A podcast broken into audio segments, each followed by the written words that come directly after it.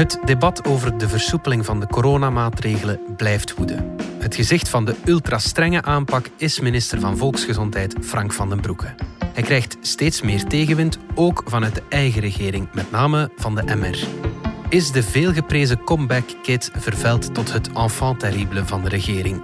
En moet premier De Croo stilaan vrezen voor de eenheid in zijn regering? Het is woensdag 9 december. Ik ben Alexander Lippenveld en dit is de podcast van de Standaard.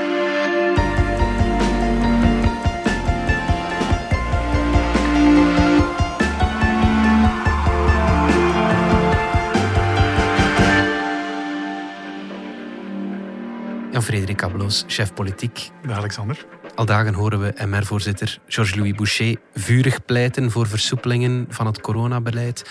Vooral op Twitter, maar ook op de Franstalige zender LN24. Il faut surtout se dire, dès que les chiffres le permettent, on le fait, même si c'est plus tôt que ce qu'on avait prévu. Hij verwoordt het hier nog vrij genuanceerd, maar de boodschap is duidelijk. Het coronabeleid moet flexibeler. Zodra het verantwoord is, moet er versoepeld worden. Nochtans, zijn partij, de MR, zit mee in de regering. En die regering die sluit versoepelingen toch uit. Hè? Ja, klopt. Wat moeten we daarvan denken? Wel, dat er uh, toch wel grote uh, ja, zenuwachtigheid is bij de MR wat betreft draagvlak vooral voor die maatregelen zoals ze genomen zijn. En daar draait zo'n beetje discussie over. Hè. Je hebt heel strenge maatregelen. Uh, we zijn de strengste van Europa wat betreft uh, het kerstregime. Ja, je mag maar één knuffelcontact hebben, behalve voor alleenstaanden. Die hebben een minimale toegeving gekregen dat ze twee mensen tegelijkertijd mogen uitnodigen. Ja. Waarvan dat er dan nog één afstand moet houden. Dus het is allemaal ja, Terwijl zeer beperkt. in de buurlanden is het allemaal versoepeld uh, voor kerst. Het is iets soepeler, ja. ja. Het is daarom in de buurlanden ook geen, uh, geen groots uh, feestgedruis nee. straks. Maar bij ons zal kerst en nieuw opvallend stil verlopen. De regels zijn streng, maar dat betekent daarom niet dat ze noodzakelijk gevolgd worden. Mm -hmm. Dan is de redenering van de MR. Misschien moet je een beetje soepeler worden, zodanig dat de mensen dan misschien nog meer of beter de regels zullen volgen en dat ze ook wat uh, draaglijker worden. Ja, ja, heeft hij ergens een punt? Want de cijfers zijn toch al een stuk gedaald. Hè?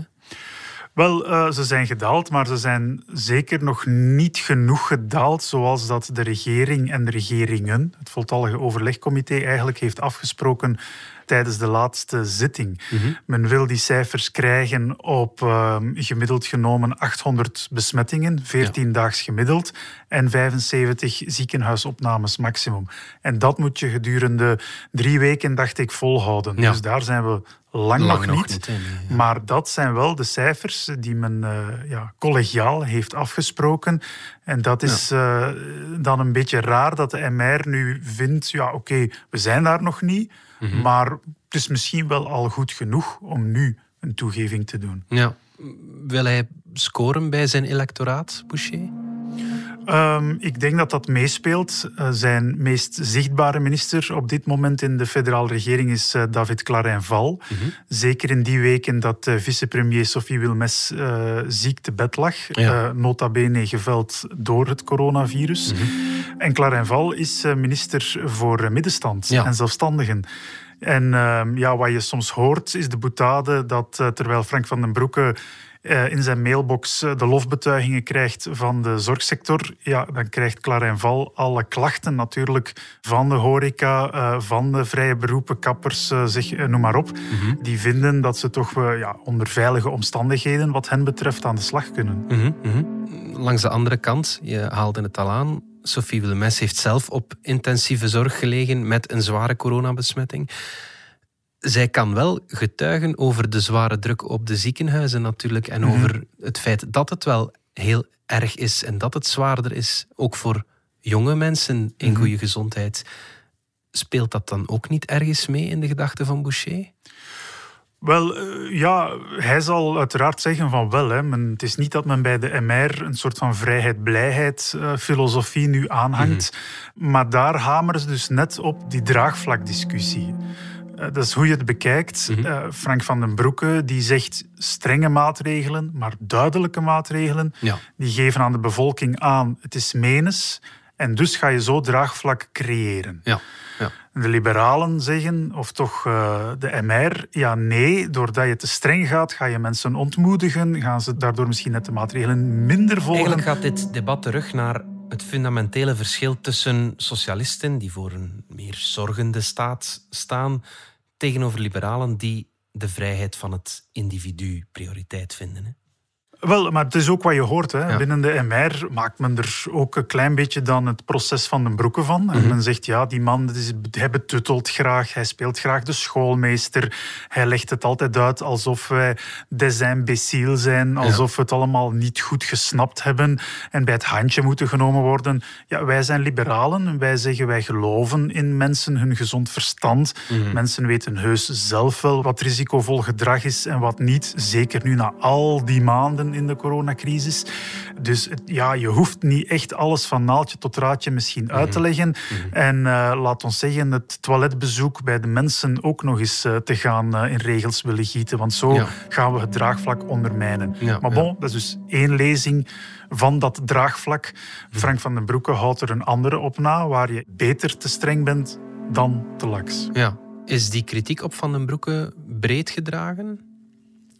Als het gaat over het misschien wat uitleggerige, het schoolmeesterachtige, dan zit die kritiek niet enkel bij de MR. Dan mhm. hoor je dat ook wel bij andere partijen. Het is ten andere een klein beetje zelfs het, het handelsmerk geworden van Frank van den Broeke, eh, dat hij daar ook graag mee uitpakt. Hij laat dat ook binnen het overlegcomité soms wel eens blijken van ik ben professor, ik heb gestudeerd, ja. dus ik weet het beter. Ja.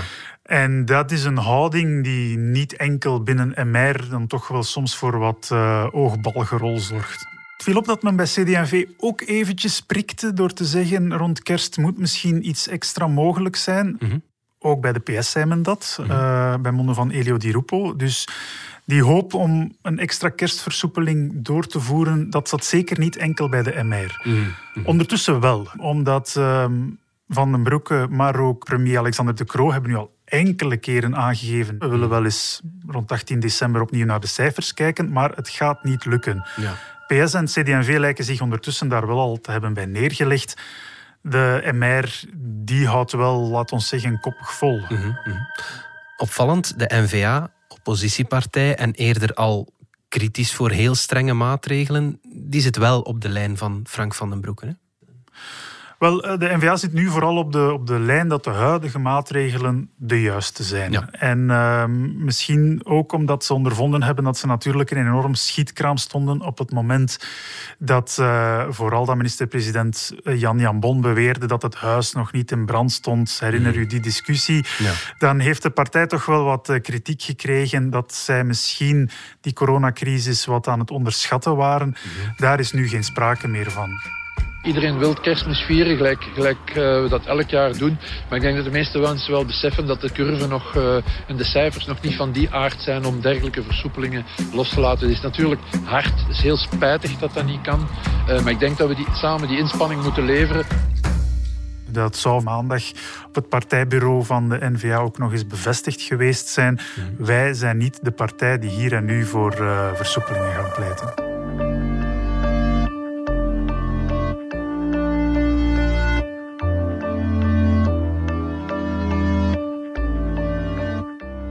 Terug na de reclame.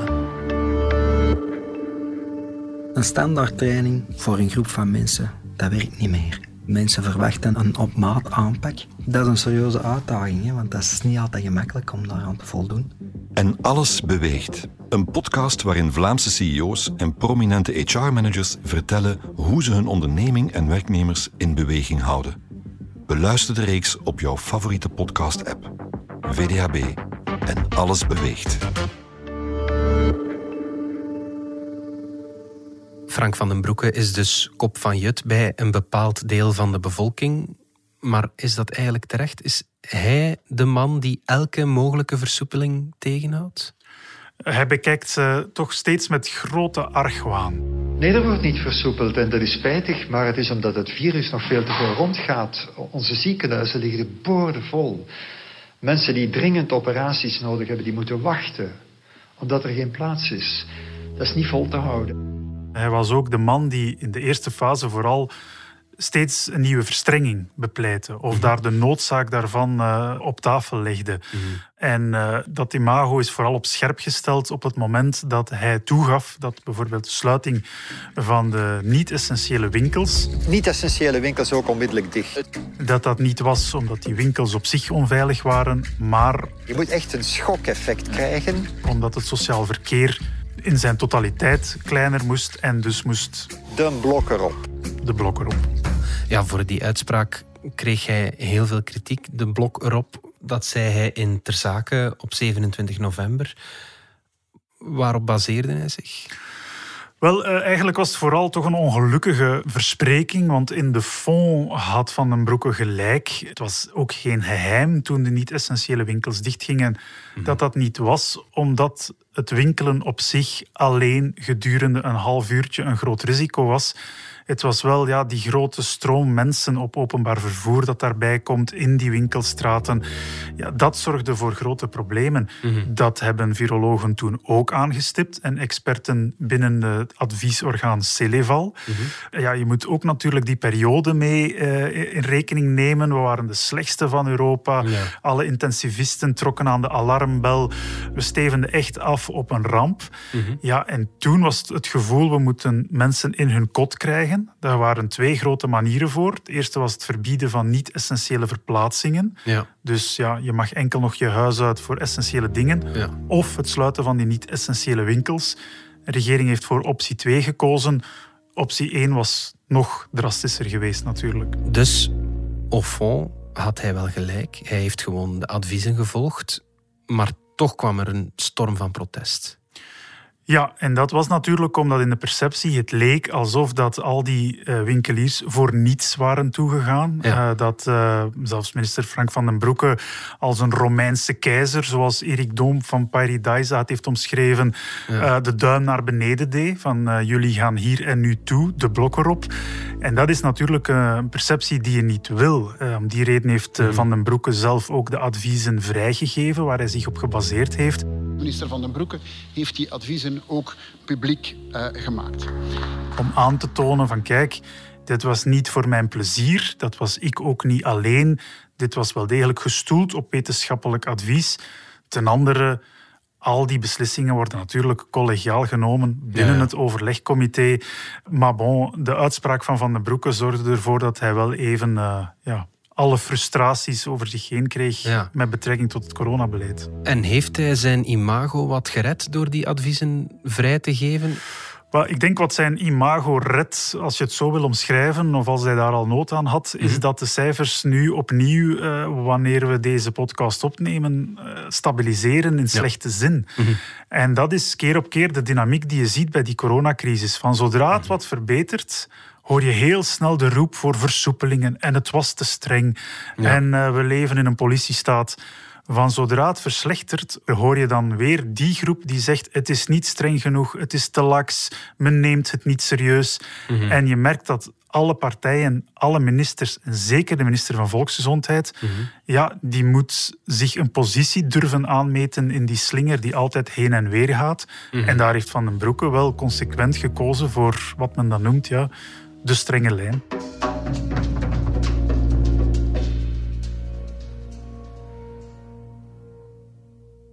Hoe gaat premier De Croo eigenlijk om met die factor Frank, laat het ons zo noemen?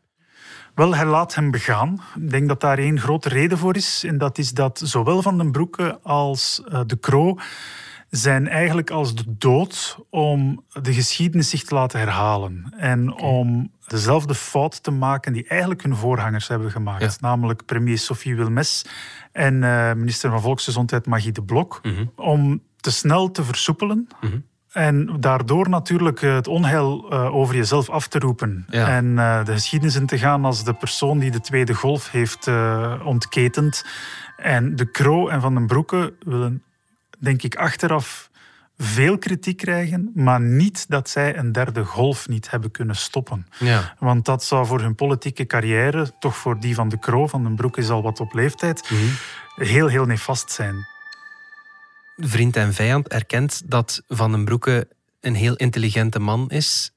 Het is geen gemakkelijke klant in die regering van, uh, van de Kroo. Hè?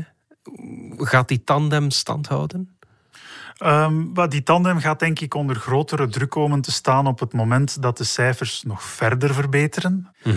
Ja, hoe hou je dan al die druk op afstand van de Paradisas, Plopsaland van deze wereld, de kappers? Dus die druk gaat blijven en de vraag is wanneer dat die tandem inderdaad onder spanning komt. Er zijn al mensen binnen de regering maar bon, die zitten dan natuurlijk in andere partijen die nu al opmerken, vergis je niet, daar is wel degelijk een spanning tussen de Croo en Van den Broeke. Mhm. Dat men bijvoorbeeld soms in de pers schrijft over de regering de Croo van den Broeke of zelfs professor Karel de Vos die het had mhm. in het laatste nieuws over de regering van den Broeke. Oké, ja. Ja, dat zijn zaken, daar moet je niet flauw over doen, die men uh, bij het kabinet De Croo... Dat kruipt in je hoofd, hè? Ja, ja, daar heeft men het toch wel moeilijk mee. En als ik één voorbeeld mag geven, dat uh, De Croo bijvoorbeeld vorige week plots uit het niets communiceerde over 5 januari als de datum dat men zou gaan eh, beginnen vaccineren. Ja. ja, dat werd door een aantal mensen toch geduid als zie je wel, af en toe wil hij hier ook eens scoren, omdat hij weet als hij het op dat moment niet communiceert, ja, dan zal Van den Broek het misschien een uur later communiceren. Ja, ja, ja. Dus ja, ik weet niet hoeveel van die roddels, als we ze zo mogen noemen, natuurlijk helemaal kloppen. Want uh, typisch in zo'n mhm. regering is dat men daar graag soms wat kwaad over spreekt. Mhm. Over wat een te goede werkrelatie lijkt. Maar uh, ik denk dat ze wel onder grotere druk komt op het moment dat die cijfers nog verder verbeteren.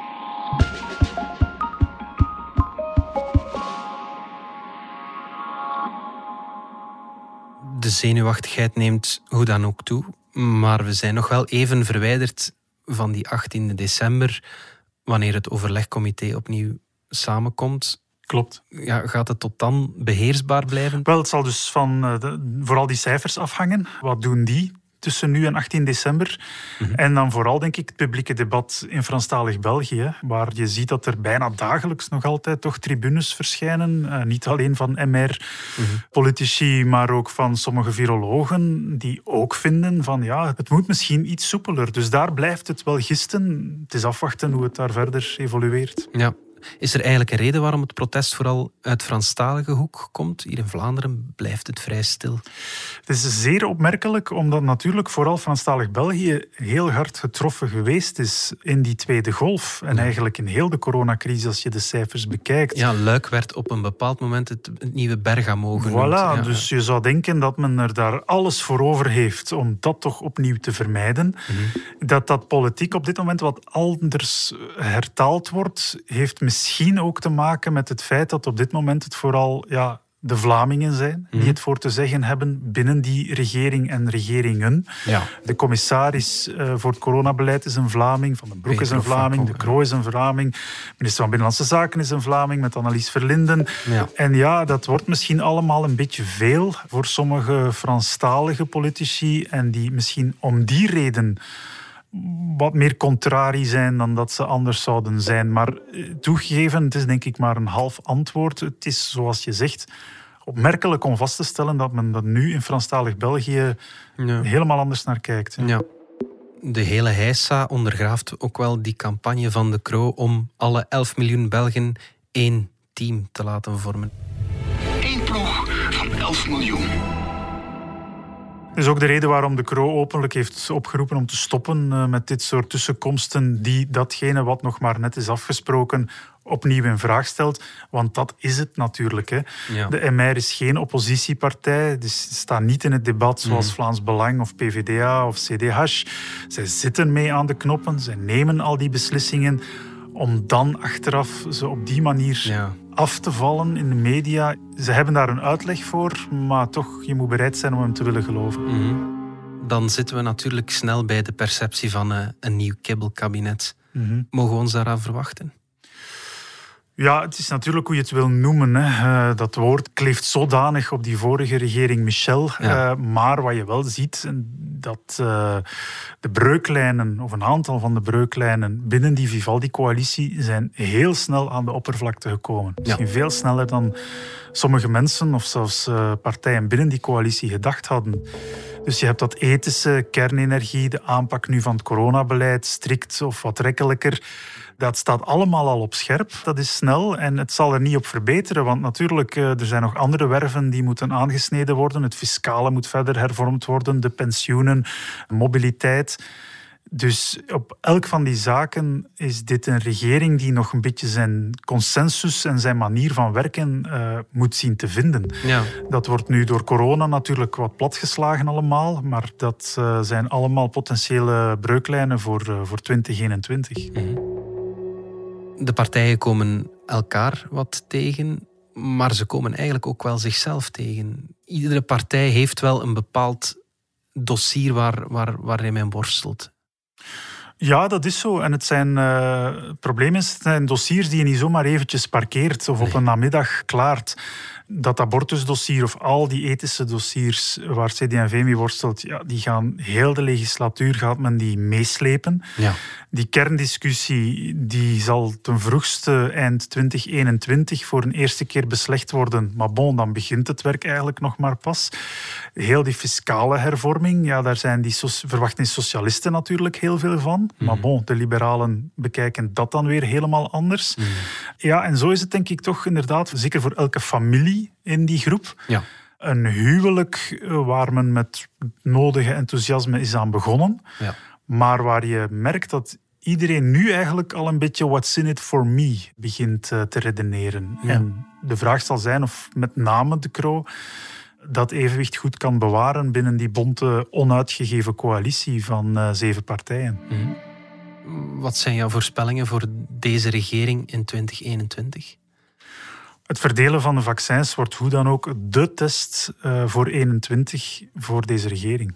In het meest gunstige scenario zullen vaccins beschikbaar zijn in ons land, net zoals in andere landen, het begin van januari. Wij moeten als land klaar zijn voor dat meest gunstige scenario. Dat is de opdracht voor ons land, dat is de opdracht voor alle regeringen die betrokken zijn in dit land. 2020 was het beheersen van de directe coronacrisis, Ja. van het, het, het risico op besmetting. 2021 wordt het jaar van de inenting, zeg maar. Ja.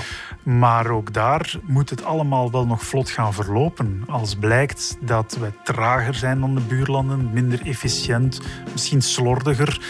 Ja, dan gaat dat eh, meteen een heel grote test zijn voor die, vooral dan die regering eh, De Croo. Ja, goed. Jan-Frederik Abelus, dankjewel. Graag gedaan.